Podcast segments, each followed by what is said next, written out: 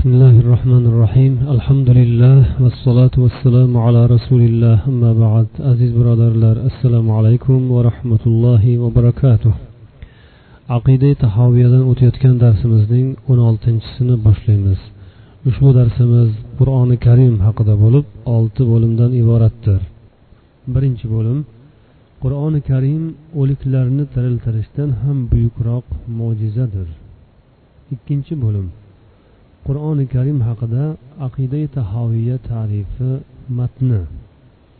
Uchinchi bo'lim kalom masalasida odamlarning to'qqiz xil guruhga bo'linishlari. Beshinchi bo'lim alloh taoloning jannat ahllari va boshqalar bilan so'ylashuvining haq ekanligi. Oltinchi bo'lim allohning kalomi uning sifatidir maxluq emasdir. Marrisiyning qur'onni maxluq deb qilgan davosining puchligi. Endi bu bo'limlarni har qaysisi haqida alohida alohida to'xtalib o'tamiz.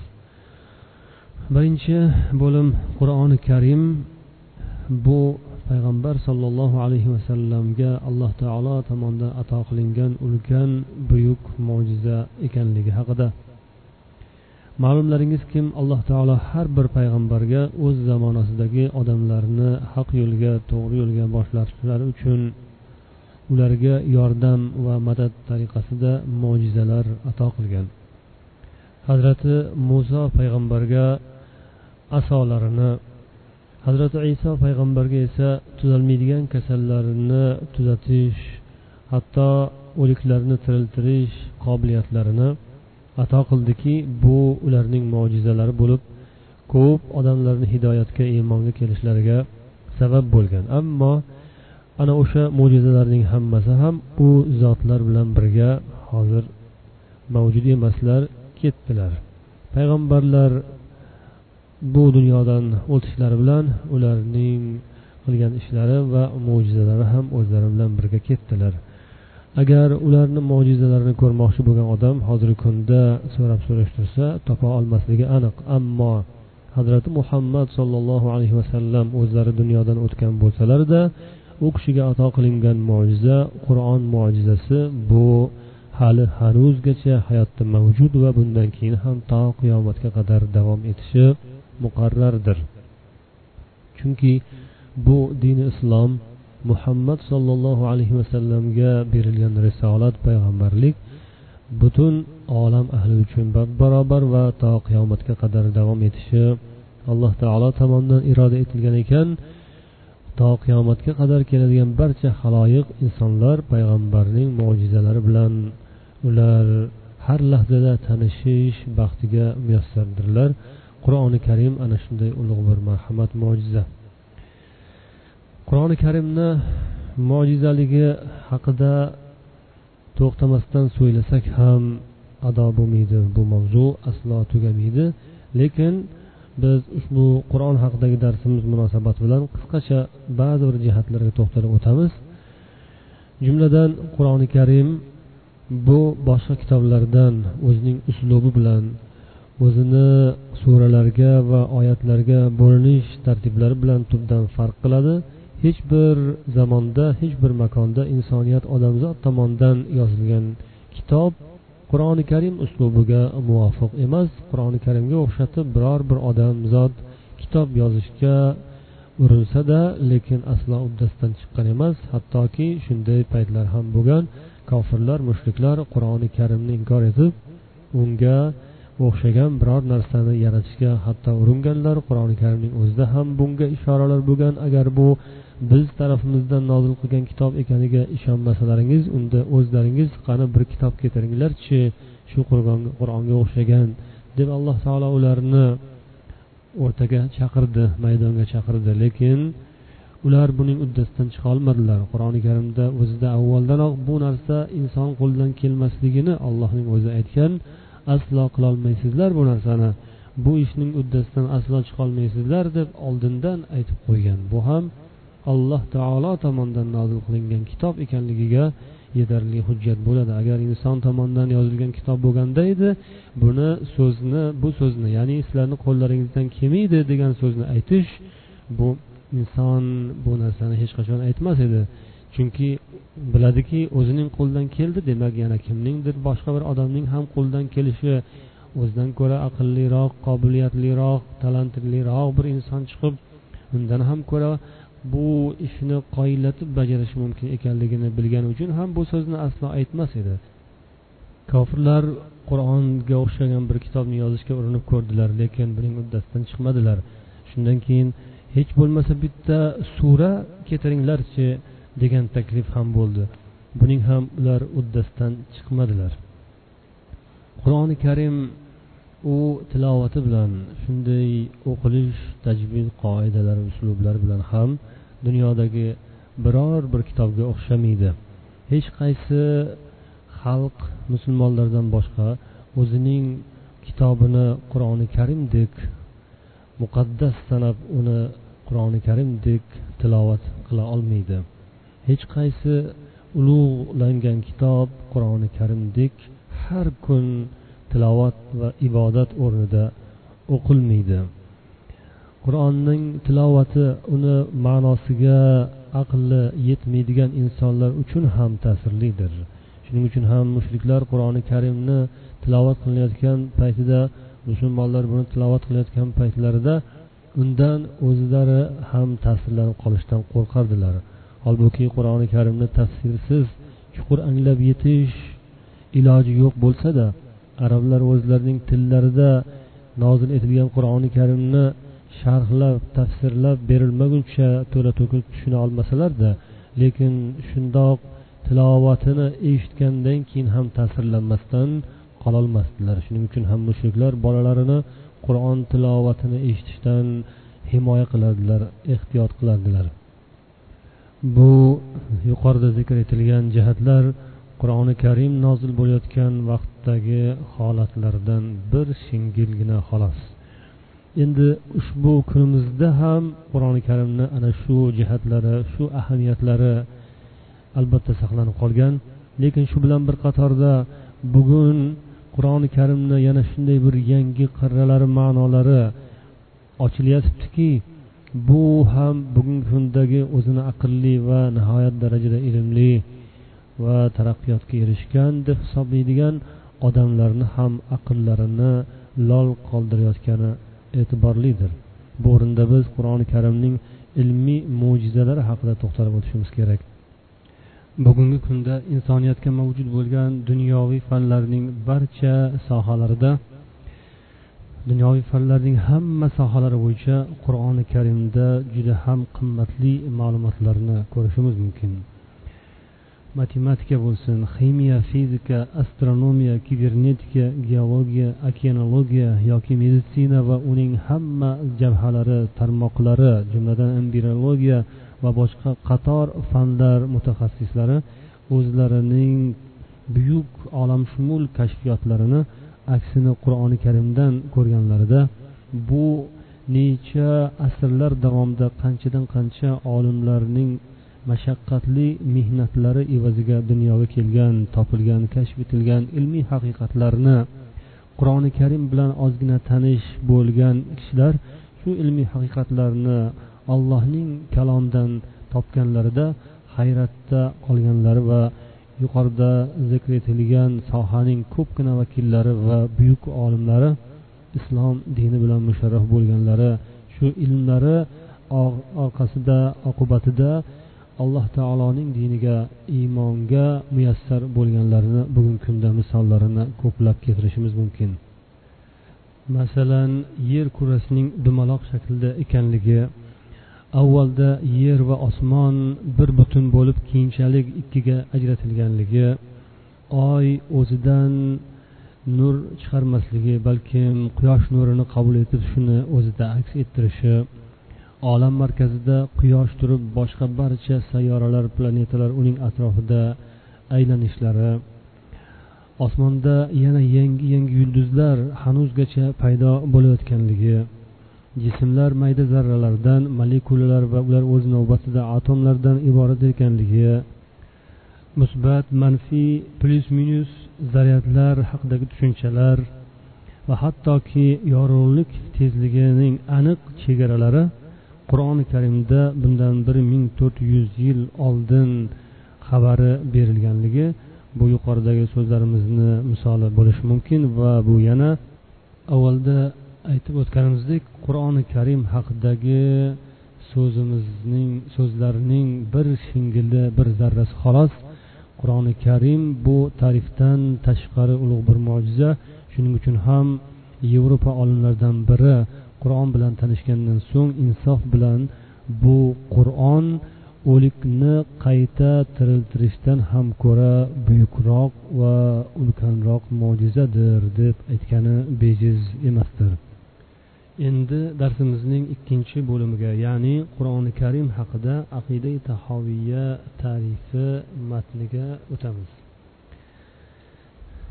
وإن القرآن كلام الله منه بدا بلا كيفية قولا وأنزله على رسوله وحيا وصدقه المؤمنون على ذلك حقا وأيقنوا أنه كلام الله تعالى بالحقيقة ليس بمخلوق ككلام البرية فمن سمعه فزعم أنه كلام البشر فقد كفر وقد ذمه الله وعابه وأوعده بسقر حيث قال تعالى سأصليه سقر فلما أوعد الله بسقر لمن قال إن هذا إلا قول البشر علمنا وأيقنا أنه قول خالق البشر ولا يشبه قول البشر mana bu qoida aqida tahoviyaning qur'oni karim haqidagi bir chiroyli ta'riflaridir buning ma'nosi quyidagicha qur'on allohning kalomidir u ollohdan hech bir kayfiyatsiz qavl so'z bo'lib zohir bo'lgan va uni alloh taolo o'z rasuliga vahiy qilib nozil etgan. Mana bularning hammasini mo'minlar haqqu rost deb tasdiq qildilar va ular qur'on allohning haqiqiy so'zidir maxluqotlarning so'ziga o'xshagan maxluq emasdir deb qattiq iymon keltirdilar. Shunga ko'ra kimki qur'onni eshitib turib uni insonning so'zi deb o'ylasa albatta kofir bo'ladi. Unday kimsani alloh taolo qattiq qoralagan ayblagan va saqar nomli do'zaxga tashlayajak ekanini e'lon qilib sauslihi saqar deb aytgan. In hada illa qavlul bashar ya'ni bu qur'on insonning so'zidan boshqa narsa emas degan odamga alloh taolo sauslihi saqar yaqinda men uni saqarga tashlayman deb qattiq azob va'da qilgan ekan. Shundan bildikki va qattiq ishonch hosil qildikki qur'on shak shubhasiz odamzodni yaratgan xoliqning so'zidir. U odamning so'ziga aslo o'xshamas. Uchinchi bo'lim. Kalom masalasida odamlarning to'qqiz xil guruhga bo'linishlari. Haqiqatan ham tarix davomida kalom ya'ni alloh taoloning so'zi masalasida bir qancha toifalar paydo bo'lganlar. Bularni aqida tahoviyani ushbu qo'limizdagi sabduriddin abul aziz al hanafiy tomonlaridan qilingan sharhlarida to'qqiz qismga bo'linganlar deb ko'rsatilgan va yana shu bilan bir qatorda mulla aliyul qoriyni sharhul fiqh sharhul fiqhul akbar kitoblarida ham mana shu ibn abul azizdan naql qilgan hollarida bu so'zlar mana shu iboralar va bu kalom masalasida odamlarni to'qqiz xil toifa toifaga bo'linganlari haqida keltirilgan. Ularning birinchilari aytadilarki kalomulloh bu nafslarga insonlarning qalbiga nafslarga quyiladigan ma'nolardan iboratdir. Bu ma'nolar yo faol aql tomonidan yoki boshqa bir jihatdan quyiladigan ma'nolardir deydilar. Bu so'z sobialar va faylasuflarning so'zlaridir. Haqiqatan ham faylasuflar orasida aql oliy aql deb nomlash ya'ni xudoni oliy aql degan ta'rif bilan atash uchrab turadi. Ular olloh deyishni o'rniga ba'zan e, xudo deyishning ham o'rniga oliy aql oliy ong tomonidan bu e, olam boshqariladi degan iboralarni ishlatadilar. Oliy ong yoki oliy aql kim deb so'ralsa u xudo deb javob beradilar. Demak bu ibora ham qadimdan faylasuflar o'rtasida va sobia degan mushrik toifalar o'rtasida ishlatilgan bu demak xato ibora. Ikkinchi tarif qur'oni karim bu alloh taolo o'zidan tashqarida yaratgan maxluqdir deydilar. Bu mo'tazila mo'tazila mazhabining e'tiqodi. Uchinchisi qur'on alloh taoloning zoti bilan birga mavjud bo'lgan bitta yaxlit ma'nodir. U amr nahiy va xabarlardan ya'ni buyruq va qaytariqlardan iboratdir. Agar uni arab tilida ifoda etilsa qur'on bo'ladi. Uni agar ibriy tilda ifodalansa u tavrot bo'ladi deb aytadilar. Bu ibn kullab va o'shanga ergashgan odamlarning davolari. To'rtinchisi esa qur'oni karim harflar va azaliy ovozlardan jamlangan shularning ishtirokidagi mavjud bo'lgan narsadir. Bular ahli kalomlarni e'tiqodlaridagi tushuncha. Beshinchisi qur'on bu harflar va ovozlardir. Lekin alloh taolo ana shu harflar va ovozlar bilan so'ylaydi. Avvalda so'ylaguvchi emas edi. Keyinchalik alloh taolo shu ovoz va harflar bilan so'ylaguvchi bo'ldi deydilar. Bu karromiya mazhabidagi odamlarning so'zlari.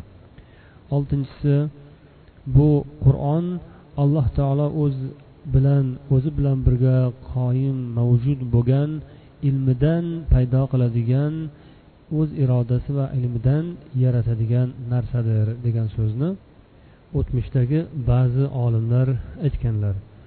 Jumladan mashhur ulamolardan juda ham o'zining zakovati ilmi bilan hammani o'ziga jalb etgan ko'p asarlar yozgan faxruddin ar roziy ismli kishi ham mana shu fikrga moyilligini imom zahabiy o'zlarini kitoblarida zikr qilganlar va u kishi ya'ni faxruddin ar roziy kitoblarida ko'p xurofotlar va har xil yo'ldan toyishga dalil bo'ladigan narsalarni ko'p zikr qilganlarini ham bu kishi kitoblarida bayon etganlar. Lekin oxirida u kishi haq yo'lga qaytib tavba tazarrular bilan yaxshi holatda vafot topdilar degan ma'lumotlarni ham keltirganlar.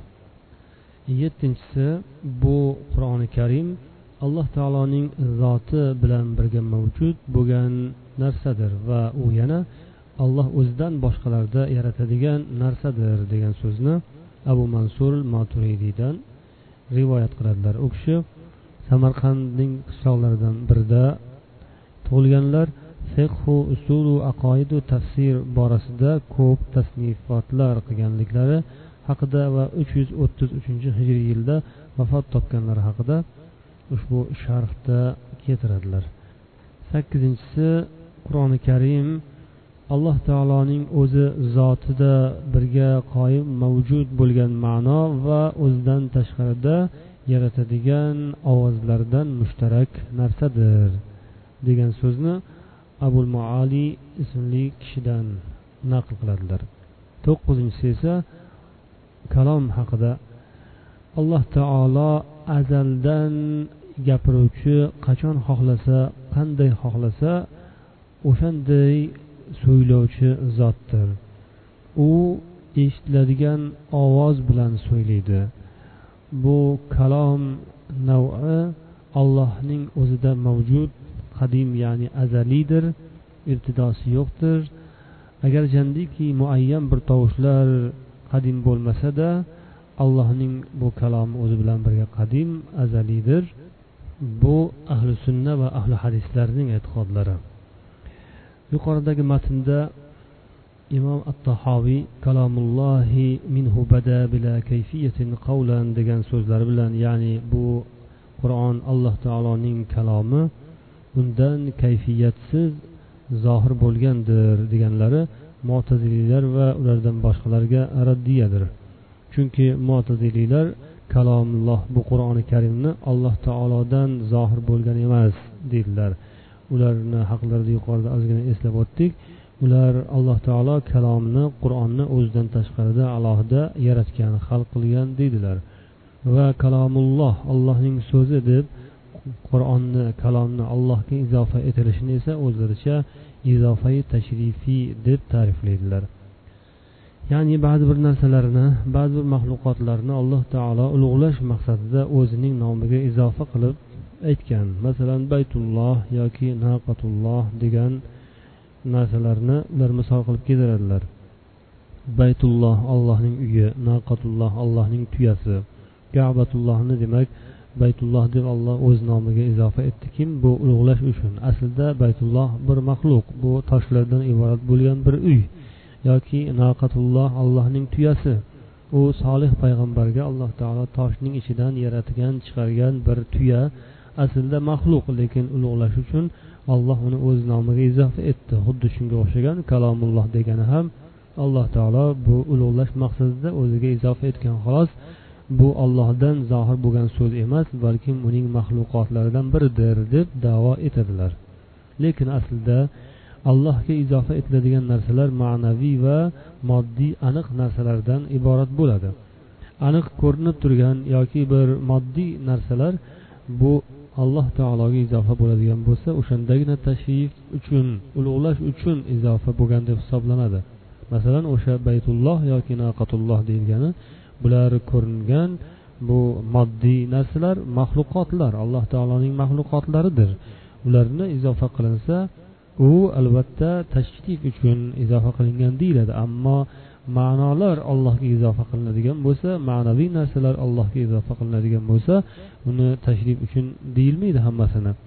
Masalan ilmulloh qudratulloh izzatulloh. Ilmulloh allohning ilmi qudratuhu uning qudrati izzatuhu uning izzati jalaluhu ulug'ligi yana shunga o'xshagan kalamuhu uning kalomi hayatuhu uning hayoti tirikligi mana bu narsalar alloh taoloning sifatlaridir. Allohning sifatlari bu o'zi bilan birga qoyim mavjud bo'lgan sifatlardir. Ularning birontasi ham maxluq emasdir. Xuddi shunga o'xshab demak kalomulloh deyilishi bu alloh taoloning sifatidir. Darsimizning to'rtinchi bo'limida alloh taoloning kalom sifati borasida ahli sunna va jamoaning tutgan mazhablari haqida so'z yuritamiz. Alloh taoloning kalom sifati bu kamolot mukammallik sifatlaridandir. Uning ziddi esa nuqson sifatlari bo'lib qoladi. Ya'ni so'ylash gapirish bu mukammallik sifatlaridan hisoblanadi. Gapirmaslik so'ylamaslik esa bu nuqson hisoblanadi. Alloh taolo arof surasining bir yuz qirq sakkizinchi oyatida muso alayhissalomning qavmlari u kishi olloh bilan so'ylashgani ketgan chog'larida oltindan bir buzoq yasab shuni xudo qilib olganlarini qoralab tanqid etgan edi. O'shanda ularga alloh taolo qaramaydilarmi ko'rmaydilarmiki bu buzoqni xudo qilib oldilar xudo qilib olgan narsalari ular bilan gaplasholmaydiku va ularni to'g'ri yo'lga boshlolmaydiku gaplasholmaydigan to'g'ri yo'lni ko'rsatolmaydigan hech narsaga qurbi kelmaydigan oddiy bir maxluqni ular xudo qilib olganlarini alloh taolo mazammat qilgan edi. Demak gapirmaslik so'ylamaslik bu nuqson edi. Taho surasining sakson to'qqizinchi oyatida ham axir ko'rmaydilarmi qaramaydilarmiki bu xudo qilib olganlari buzoq ularga biror bir javob ayta olmaydi va ularga na zarar va na foyda yetkaza oladi deb yana uning so'ylayolmasligini tanqid qilib keltirgan edi. Mo'taziliylarni kalomulloh ollohning so'zi olloh so'ylaguvchi zotdir degan e'tiqodni qabul qila olmasliklarining boisi shuki ular davo qiladilarki agar alloh taolo gapiradi so'ylaydi desak unda allohga nisbatan tashbih va tajsimni nisbat bergan bo'lamiz deydilar. Ya'ni olloh gapiradi desa emishki u maxluqotlarga o'xshagan bo'lib qolarmish. Ollohni boshqa maxluqlarga masalan insonga yoki boshqa narsaga gapiruvchi narsaga o'xshatgan bo'lib qoladi deb davo qiladilar. Lekin ularga javob beriladiki alloh taolo o'zining jaloli ulug'ligi qudratiga loyiq tarzda o'ziga loyiq kayfiyatda so'ylaydi. Uning so'ylashini kayfiyatini biz bilmaymiz deb javob beramiz. Yosin surasida alloh taolo qiyomat kunida biz insonlarning og'izlariga xatm muhr bosib qo'yamiz. Ularning qo'llari biz bilan so'ylashadi va oyoqlari guvohlik beradi deb marhamat etgan. Biz bu narsaga iymon keltiramiz lekin qanday qilib so'ylaydi bu qo'l oyoqlar? Bunisini albatta bilmaymiz. Alloh taolo o'zi xohlagan tarzda gapirtiradi so'ylatadi.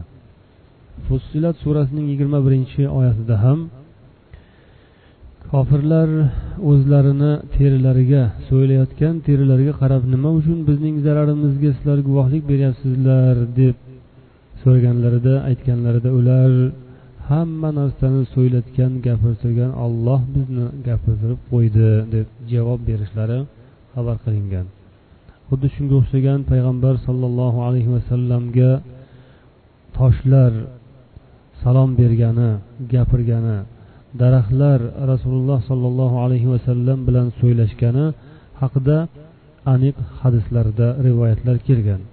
Masalan tosh salom berganligi haqida sahihi muslimda rivoyat qilinadi. Payg'ambar sollallohu alayhi vasallam aytadilarki men payg'ambar bo'lmasimdan oldin menga makkada bir tosh salom berar edi.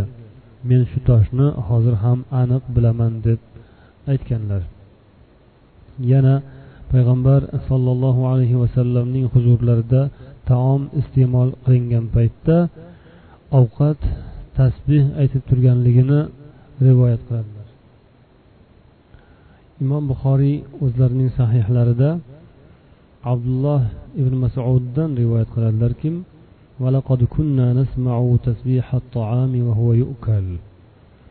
biz payg'ambar sollallohu alayhi vasallam huzurlarida taom iste'mol qilar ekanmiz. Taomning tasbeh aytib turganini eshitgan edik. Yana al bazzor ham o'zlarini hadis to'plamlarida payg'ambar sollallohu alayhi vasallamning qo'llarida turgan yetti dona tosh tasbeh aytganligini rivoyat qiladilar. Biz bularning hammasiga iymon keltiramiz ishonamiz.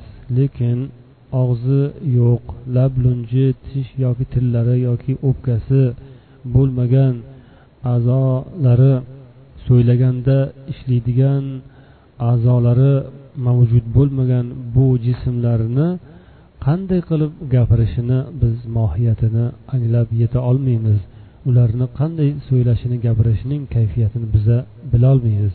Ammo ularni so'ylashiga albatta iymon keltiramiz. Agar alloh taolo xohlasa har qanday tilsiz narsa ham jonsiz narsa ham tilga kirishi gapirishi so'ylashi allohning qudratidan tashqarida emas albatta. Shuning uchun ham shorih minhu bada bila kayfiyatin qavlan deb ta'kidlab o'tdilar. Ya'ni minhu bada bu qur'on kalom allohning so'zi undan zohir bo'ldi. Lekin bila kayfiyatin kayfiyatsiz qanday kayfiyat qanday shaklda ekanligini qanday holatda ekanligini biz bilmaymiz. Kayfiyatsiz hech bir shaklsiz shamoilsiz hech qanday bir holat biz xabarda bexabarmiz. Hech bir holatsiz kayfiyatsiz demak alloh taolodan u zohir bo'ldi. Qavlan degan so'zni alohida ta'kidlab keltirilishi ham bu narsa jiddiy va haqiqiy narsa ekanligiga ishora qiladi. Bu yerda hech qanday majoziy ibora yo'q. Ya'ni alloh taolo majozan gapirgan degan davoni rad etish uchun oldindan qavlan deb ta'kidlab qo'yildiki so'z bo'lib kalom allohning so'zi haqiqiy so'z bo'lib undan zohir bo'ldi deb o'tdilar. Yana niso surasining bir yuz oltmish to'rtinchi oyatida alloh taolo va kallamallohu musa taklima dedi. Alloh taolo muso bilan haqiqatan ham so'ylashdi gaplashdi dedi. Ba'zi bir mo'taziliy olimlari abu amr ibn alo ismli ulug' bir allomaga ya'ni yetti xil qiroatning ulamolaridan birlari yetti xil qiroat imomlaridan birlari hisoblangan abu amr ibn aloga mana shu yuqoridagi oyat niso surasining bir yuz oltmish to'rtinchi oyatini vakallamallohu musa taklima degan oyatni vakallamalloha musa taklima deb o'qishni taklif qilgan ekan iltimos qilgan ekan. Ya'ni vakallamallohuni vakallamalloha deb o'qishni taklif etgan. Agar vakallamalloha musa taklima bo'lsa muso olloh bilan gaplashdi bo'ladi. Vakallamallohu musa taklima aslida ya'ni alloh taolo muso bilan gaplashdi. Agar bitta zammani fathaga aylantiriladigan bo'lsa demak bunda ma'no almashib ketadi. Shuni taklif etdi. Shunda abu amr unga qarab ha xo'p sen aytganingcha agar shu oyatni zammasini fathaga aylantirib o'qisam ha unda mana bu oyatga nima deysan?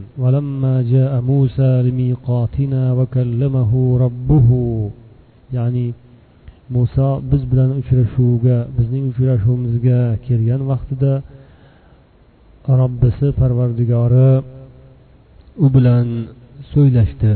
Bu yerda ochiqdan ochiq vakallamahu robbuhu u bilan parvardigori so'ylashdi deb aytilgan. Buni nima qilasan? Buni qanday tuzatasan? O'zingga moslab. Degan so'zni aytganlaridan keyin u mo'taziliy shu bilan mot bo'lib jim bo'lib qolgan edi. Darsimizning beshinchi bo'limi alloh taoloning jannat ahli va boshqalar bilan so'zlashishi haq ekanligidadir. Qur'onda va sunnatda allohning jannat ahli bilan so'ylashishi haqidagi dalil hujjatlar sonsiz sanoqsiz desak bo'ladi. Yosin surasida ellik sakkizinchi oyatda salamun qavlam min robbir rohim deb marhamat etiladi. Payg'ambar sollallohu alayhi vasallamdan jobir roziyallohu anhu rivoyat qilgan hadislarida aytiladiki jannat ahllari o'zlarining ne'matlari alloh ato qilgan rohatu farog'atlari ichida hayot kechirar ekanlar jannatda. Bir payt ularning ustlaridan bir nur paydo bo'ladi. Shunda ular ko'zlarini yuqoriga ko'tarib qarasalar parvardigor jalla jalaluhu ularning ustlaridan nazar solib turgan ekan. Shunda olloh assalomu alaykum ya ahli jannah. Ey jannat ahli sizlarga salom bo'lsin deydi. Mana shu qur'oni karimdagi salamun qavlan min robbir rohim degan oyatning mazmunidir dedilar. Shunda jannat ahllari allohga qarab turadilar va alloh ham ularga qaraydi. Mana shu holat davom etar ekan ular o'zlari mavjud bo'lib turgan ne'matlaru rohat farog'atlarning barchasini unutadilar va hech narsaga qaramasdan allohni shu nazari marhamatida o'zlari ham allohning yuziga qaragan holatlarida davom etadilar. To alloh o'zini ulardan parda ortiga olguncha olloh ulardan g'oyib bo'lguncha mana shu holda qotib turadilar. Alloh taolo o'zini g'oyib etganda o'zi ulardan g'oyib bo'lgandan so'ng uning barakoti va nuri jannat ahllari bilan birga qoladi. Bu hadisni ibn muajjah va boshqalar rivoyat etdilar. Mana shu hadisda alloh taoloning kalom sifati so'ylashish sifati va allohni jannatda ko'rish mumkinligi va u barcha maxluqotlaridan ustun ularning ustida ekanligi isbot qilinadi.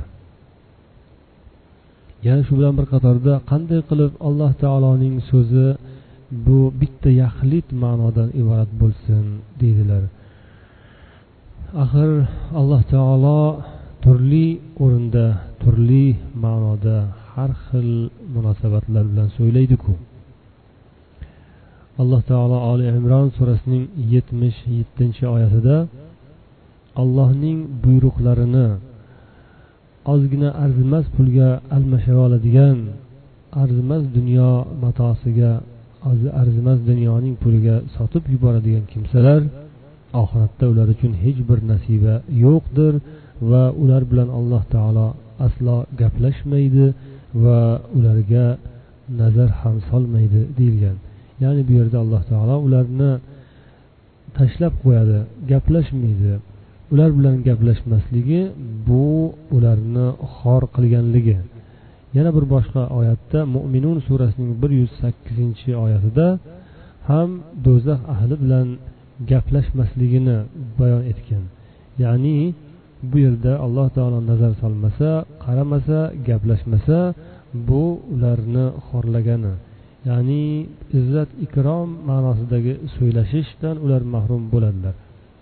Agar shunday ekan mo'min musulmonlar bilan ham alloh taolo gaplashmaydigan bo'lsa ya'ni mo'taziliylarning davolari bo'yicha shunday so'ylashmaydigan bo'lsa unda mo'minlarni ham kofirlar bilan tenglashtirib qo'yilgan bo'ladi. Allohning dushmanlari bilan do'stlarini o'rtasida farq qolmagan bo'ladi. Demak u davolar botil davolar.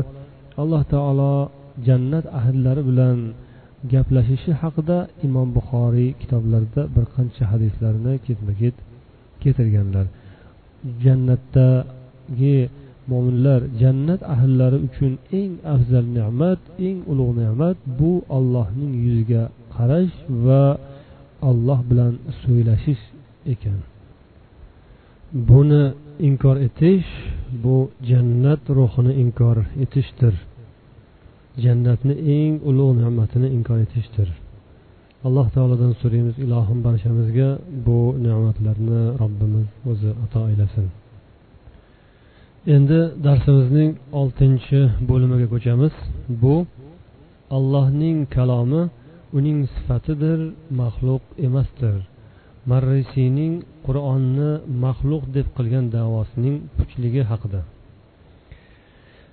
Bishr ibn g'iyos marrisiy haqida biz yuqoriroqda avvalgi darslarimizda ham eslab o'tgan edik bu odam abu abdurahmon ismli mutakallimlarni olimlaridan mo'taziliy mazhabidagi kishi bo'lib imom abu yusuf rahmatullohi alayhidan dars olgan va keyinchalik o'zini avvalda o'tgan maslakdoshi jahm bin safvonning yo'lini tutib qur'onni maxluq degan so'zni ushlab olgan va o'zicha bu ham alohida madrisiylar toifasini paydo qilgan bir kimsa ekanligi haqida biz avvaldagi suhbatlarimizda eslab o'tgan edik.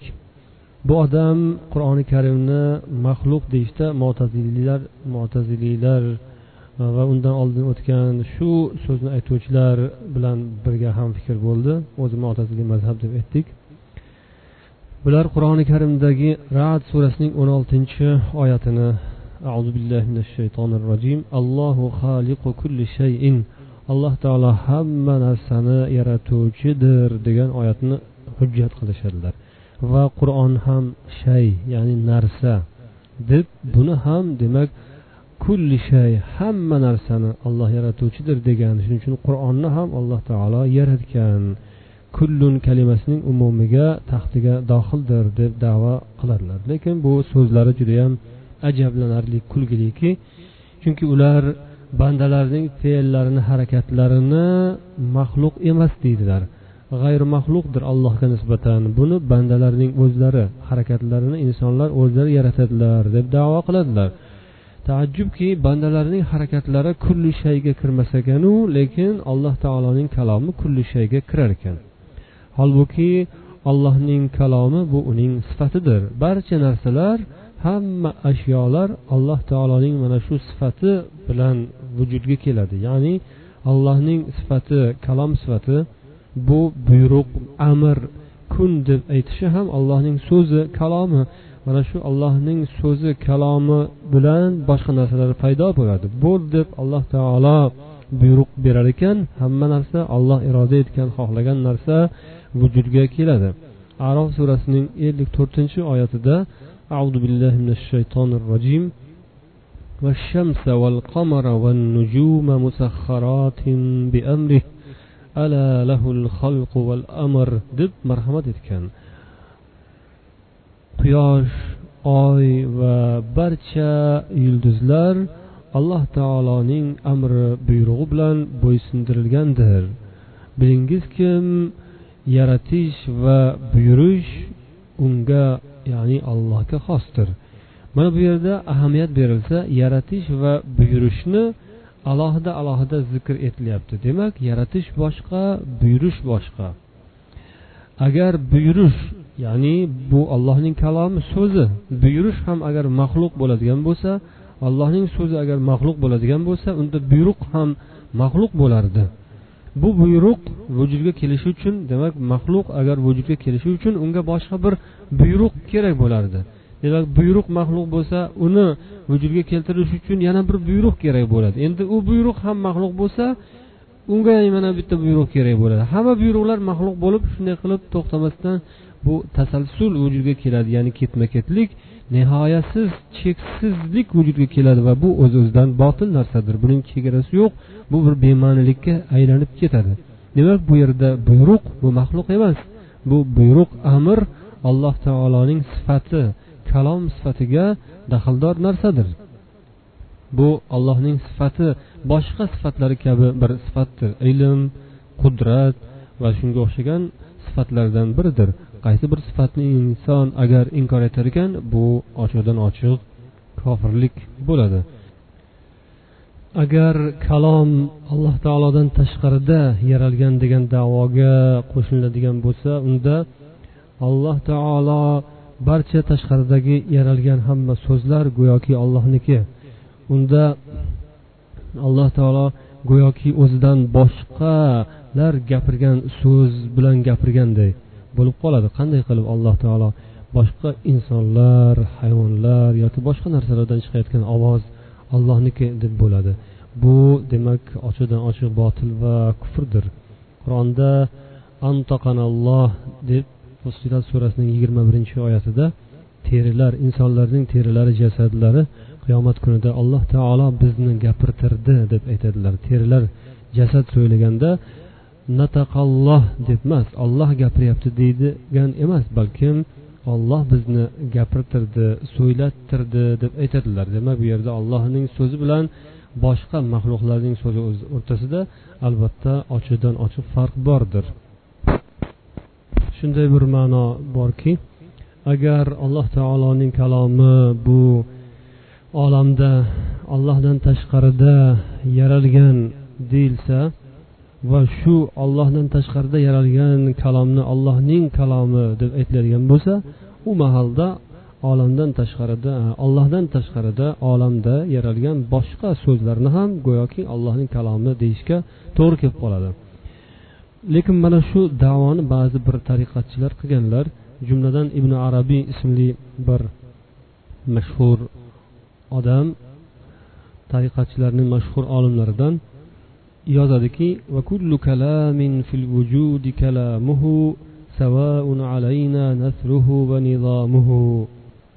bu yerda ibn arabiy davo qiladiki vujudda bu borliqda mavjud bo'lgan barcha so'zlar uning so'zidir. U xoh she'r bo'lsin xoh nasr bo'lsin farq yo'q hammasi xudonikidir. Bu narsalardan demak bu vujuddagi hamma gaplar so'zlar ollohniki deb aytiladi va bunda bir biriga qarama qarshi teskari so'zlarni ham go'yoki xudo gapirganday bo'lib qoladi. Demak xulosatul kalom shuki alloh taoloning so'zi bu maxluq emasdir. Allohning azaliy va abadiy sifatidir. Mana shu bilan o'n oltinchi darsimiz tugadi. Subhanakallohumma va bihamdik. Ashhadu an la ilaha illa anta